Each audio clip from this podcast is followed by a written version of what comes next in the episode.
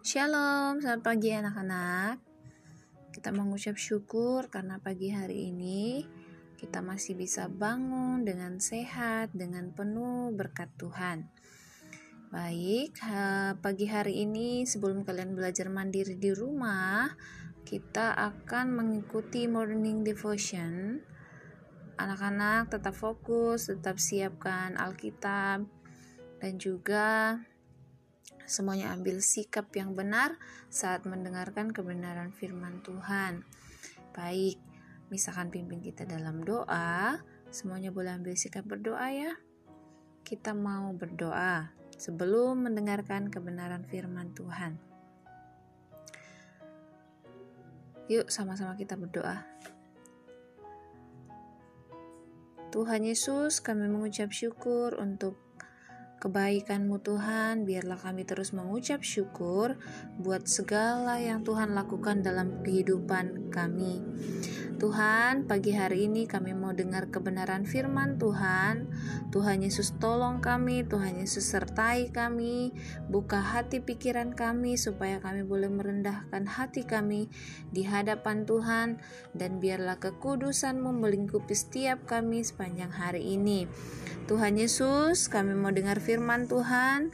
Biarlah Tuhan memampukan Miss yang akan memberitakan kebenaran firman Tuhan, sebab tanpa Tuhan maka kami tidak bisa melakukan apa-apa. Terima kasih Tuhan Yesus, kami berdoa dan mengucap syukur di dalam nama Tuhan Yesus. Haleluya. Amin. Oke. Okay. Kita akan membuka Alkitab kita semuanya. Sudah siapkan Alkitabnya ya. Silakan buka di kitab Kejadian pasal 35. Sekali lagi, Kejadian pasal 35 ayat yang ke-13 sampai 26. Nah, tetapi kita akan baca dua ayat saja supaya tidak terlalu lama. Di Kejadian pasal 35 ayat 13 sampai 15. Nah, anak-anak di rumah boleh uh, baca semua ya ayat yang tadi. Ayat 35, ayat sorry pasal 35 ayat 13 sampai 26. Nah, kalau Miss pagi ini hanya akan membaca dua ayat saja. Yuk kita baca sama-sama ya di Kejadian pasal 35 ayat 13 sampai 15.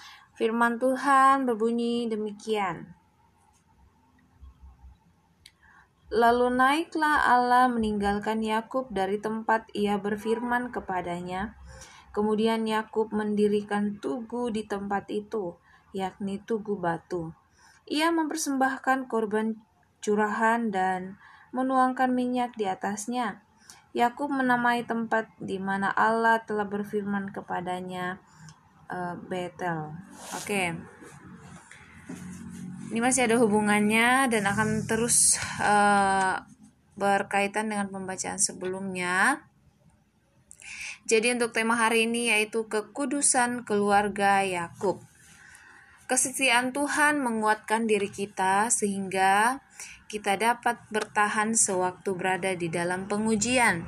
Anak-anak, jadi dari kemarin kita hanya apa namanya beberapa kali mendengarkan tentang kesetiaan Tuhan. Apa pun yang dilakukan manusia, Tuhan terus setia dalam kehidupan kita. Dan anak-anak tahu, ternyata kesetiaan Tuhan itu itulah yang menguatkan kita sehingga kita dapat bertahan. Bukan karena apa-apa, bukan karena kekuatan kita, melainkan karena kita tahu bahwa Tuhan itu adalah setia dalam kehidupan kita. Oke, setelah mengalami kesetiaan Tuhan yang memelihara dia, memelihara Yakub ya dan keluarganya, maka seharusnya lah hal itu menguatkan Yakub untuk bertahan uh, menghadapi berbagai ujian hidup. Yakub memperbaharui perjanjiannya. Dia mendirikan batu peringatan yang di atasnya dicurahkan minyak untuk melambangkan kesucian Tuhan. Kita tadi sudah baca di ayat uh, 15 hmm, sorry ayat 14 bagaimana uh, ia mempersembahkan korban curahan dan menuangkan minyak di atasnya. Memang Betel mempunyai arti khusus dalam kehidupan Yakub. Di sana. Tuhan menampakkan diri kepadanya dan memperbaharui perjanjiannya. Seperti yang Miss sudah bilang kemarin ternyata kalau misalnya nih Tuhan hari ini berjanji untuk kasih kita sesuatu seperti itu. Tapi dalam perjalanan kita ternyata Tuhan bisa saja memperbaharui janjinya, mungkin saja bisa ditambahkan, atau mungkin karena kita kurang setia ya sudah deh kurangin sedikit dulu nanti baru ditambah lagi kayak gitu. Jadi Tuhan bukan berarti Tuhan ingkar janji, tapi Tuhan mau kita tetap setia. Jadi Tuhan ternyata memperbaharui perjanjiannya untuk Yakub. Dalam kisah kembalinya ke uh, siapa? Yakub ke Betel. Ini kita membaca satu pertanyaan yang tidak biasanya yaitu lalu naiklah Allah meninggalkan Yakub.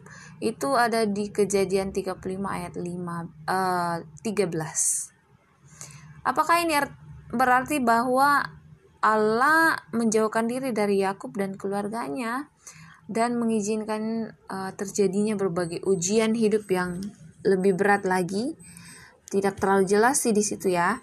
Yang pasti dalam perjanjian lama sebelum Roh Kudus dicurahkan kepada orang percaya, Roh Kudus tidak terus-menerus tinggal dalam diri setiap orang percaya seperti sekarang ini. Saat ini Roh Kudus tidak datang dan pergi karena Roh Kudus sudah tinggal menetap dalam diri seorang diri orang percaya. Semua anugerah ini seharusnya membuat kita tidak malas ya. Jadi anak-anak, apa yang Tuhan sudah buat kalau kita sudah lihat bahwa uh, apa namanya Tuhan setia Tuhan mencurahkan Roh Kudus kepada orang percaya. Tuhan melakukan segalanya buat kita. Harusnya itu membuat kita tidak malas. Sebaliknya, kita dapat setiap hari membaca Alkitab, karena itu kita mau belajar firman Tuhan dan bertumbuh secara rohani. Dari tempat yang penuh makna ini, dari tempat apa tadi, Betel, Yakub melanjutkan uh, perjalanan ke Mamre Allah sekali lagi menguji dirinya. Istri kesayangannya dipanggil Tuhan. Wow, jadi istrinya dipanggil Tuhan setelah melahirkan anak kedua. Di satu pihak, memang Tuhan mengabulkan permohonan Rahel setelah melahirkan anak pertama, yaitu keinginannya untuk mempunyai seorang anak laki-laki lagi. Tetapi proses kelahiran kali ini sangat sulit sehingga dia menamai anak itu Ben Oning yang artinya anak dari penderitaanku. Sangat jelas terlihat bahwa Rahel hanya mempedulikan kesedihannya sendiri dan bukan uh, pada perjanjian itu. Ya, sayang sekali ya, padahal harusnya kita fokus sama perjanjian yang Tuhan sudah uh, janjikan kepada kita. Jadi tidak lagi kita tidak usah lagi mempedulikan kesedihan kesedihan kita sendiri dan apa namanya merasa sedih sendiri dan sebagainya tapi kita harus fokus sama perjanjian Tuhan tetapi aku bisa melihat peristiwa ini dari sudut pandang yang berbeda. Wah, ini seru di sini ya anak-anak. Dan menamai anak itu Benyamin. Nah, yang artinya anak dari tangan kananku atau sama artinya dengan putra selatan. Untuk membedakan dari anak-anaknya yang lahir di utara, dalam e, kebudayaan Ibrani waktu itu menunjukkan ke arah selatan bisa berarti kanan.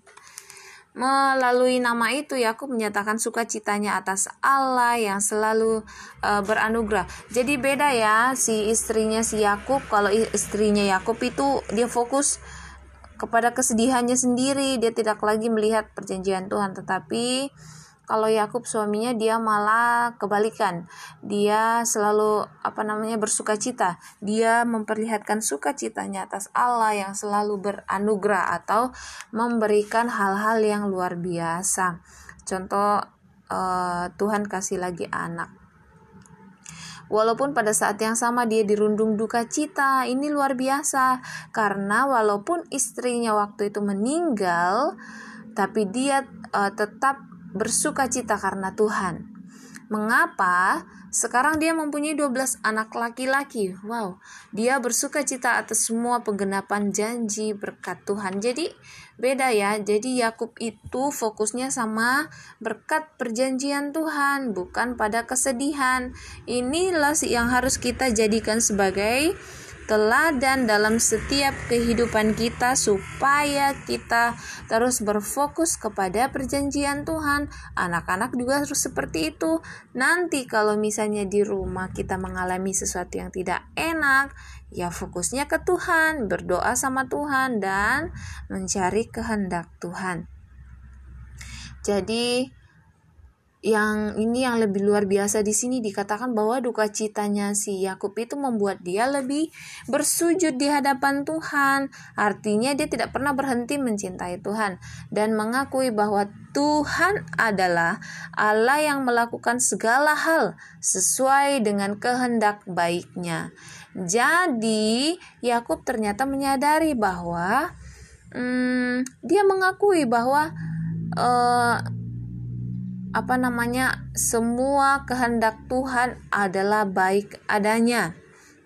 Melalui kesedihan, kesedihan itu pula lah Allah menyatakan kekudusannya kepada Yakub. Bagaimana dengan kita? Walaupun masih kecil, pasti ada beberapa hal yang membuat kita sedih. Ketika masih kecil, kita hanya uh, dapat menangis supaya dibantu mama atau papa. Sekarang setelah agak besar kita akan mengetahui bahwa menangis saja tidak menyelesaikan masalah.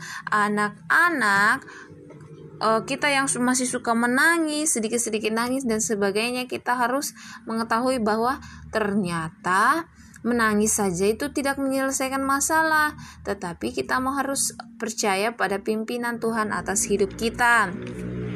Dia akan menolong kita menghadapi masalah yang ada.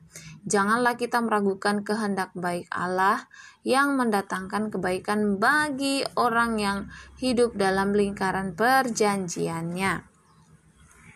Pelanggaran dan konsekuensi atas kekudusan itu dinyatakan di tengah-tengah kepahitan yang dirasakan Yakub ketika anak sulungnya Ruben mencemarkan keluarga mereka dengan tidur bersama Bilha salah satu istri atau gundik Yakub. Nah, inilah yang membuat uh, apa namanya kepahitan, kesakitan, kesedihan yang dirasakan Yakub. Kalau tadi kan dia berbicara tentang sukacita, sukacita dan sebagainya. Tetapi ada masa di mana hmm, Yakub juga merasakan kepahitan. Kepahitan itu sama dengan kesedihan yang berlebihan, kekecewaan dan sebagainya. Jadi Ruben melakukan hal itu karena ingin terlalu cepat mengambil hak kesulungan dengan cara yang salah. Uh, Ruben, kenapa dia bikin begitu ya? Karena dia menginginkan sesuatu, dia mau mendapatkan sesuatu dengan cepat-cepat dengan cara yang salah. Walau pada saat peristiwa buruk itu terjadi, Yakub diam saja, tetapi tetap terekam dalam ingatannya betapa memalukan kejadian itu. Nantinya menjelang kematian Yakub terlihat betapa dalam rasa sakitnya itu dia menolak Ruben sebagai anak sulungnya. Wah, di sini ternyata sejak apa namanya nanti pada saat menjelang kematian si Bapak Yakub tadi Terlihat ternyata dia sangat sakit hati anak-anak. Dia menolak Ruben yang nyata-nyata sebagai anaknya, dia tolak sebagai anak sulungnya. Di Kejadian pasal 49 ayat 3 sampai 4 di situ dia uh, menjelaskan tentang hal itu. Tentu saja untuk tetap tunduk kepada Tuhan dalam masalah ini merupakan pergumulan berat bagi Yakub. Nah, jadi, ternyata pergumulan berat Yakub adalah perbuatan anaknya tadi.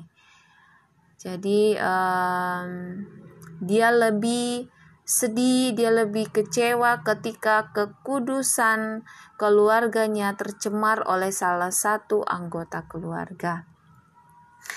Oke, itu tentang um, kekudusan keluarga Yakub yang kita sudah dengarkan bersama anak-anak kiranya firman Tuhan ini boleh menjadi uh, pelajaran buat kita semua boleh menjadi uh, apa namanya hal yang bisa kita jadikan sebagai kekuatan bahwa uh, tidak ada hal yang lebih penting selain daripada bersandar kepada Tuhan, kalau kita mengalami hal yang tidak enak, entah di rumah, entah saat kita belajar, entah saat kita berteman, dan sebagainya. Oke, terima kasih sudah mendengarkan podcast ini. Kiranya Tuhan memberkati kita semua dan memampukan kita untuk melewati masa-masa pandemi di rumah kita masing-masing bersama keluarga. Oke, salam sehat buat kita semua. Yuk, kita berdoa menutup firman Tuhan yang sudah kita dengarkan pada pagi hari ini. Bapa di surga, terima kasih karena Tuhan telah menolong kami mendengar kebenaran firman Tuhan. Kami tahu Tuhan bahwa ada banyak hal yang kami lakukan yang masih tidak berkenan bagi Tuhan uh, kami dan keluarga kami, entah orang tua kami, sepupu kami, semua keluarga kami, kami banyak melakukan pelanggaran, tetapi saat ini kami juga mau meminta supaya kami tetap hidup dalam kekudusan Tuhan. Dan kami tidak mencemari kekudusan yang Tuhan percayakan dalam kehidupan kami. Sekalipun kami sering bersalah berdosa tetapi kami mau terus mengasihi Tuhan membawa kehidupan kami untuk lebih baik kami percaya Tuhan, apa pun yang terjadi hari-hari ini, itulah yang terbaik yang Tuhan izinkan, yang Tuhan izinkan untuk terjadi, menjadi proses, menjadi hal yang boleh mengubahkan kehidupan kami. Terima kasih Tuhan, kami anak-anakmu, anak-anakmu Tuhan mau belajar mandiri hari ini.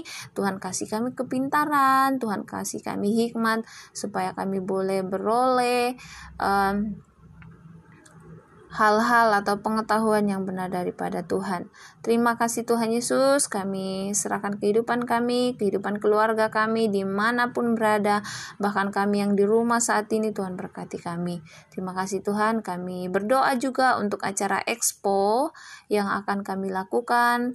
Tuhan tolong, Tuhan uh, memberkati supaya semuanya boleh berjalan dengan baik. Terima kasih Bapak, kami berdoa dan mengucap syukur dalam nama Tuhan Yesus. Haleluya. Amin. Oke, Mi sudah siapkan pertanyaan yang nanti anak-anak akan, akan menjawab. Hmm, nanti bisa dijawab dengan baik ya, dibaca dulu, didengarkan dulu baik-baik podcast ini dan kita jawab pertanyaannya. Oke, terima kasih banyak. Tuhan Yesus memberkati.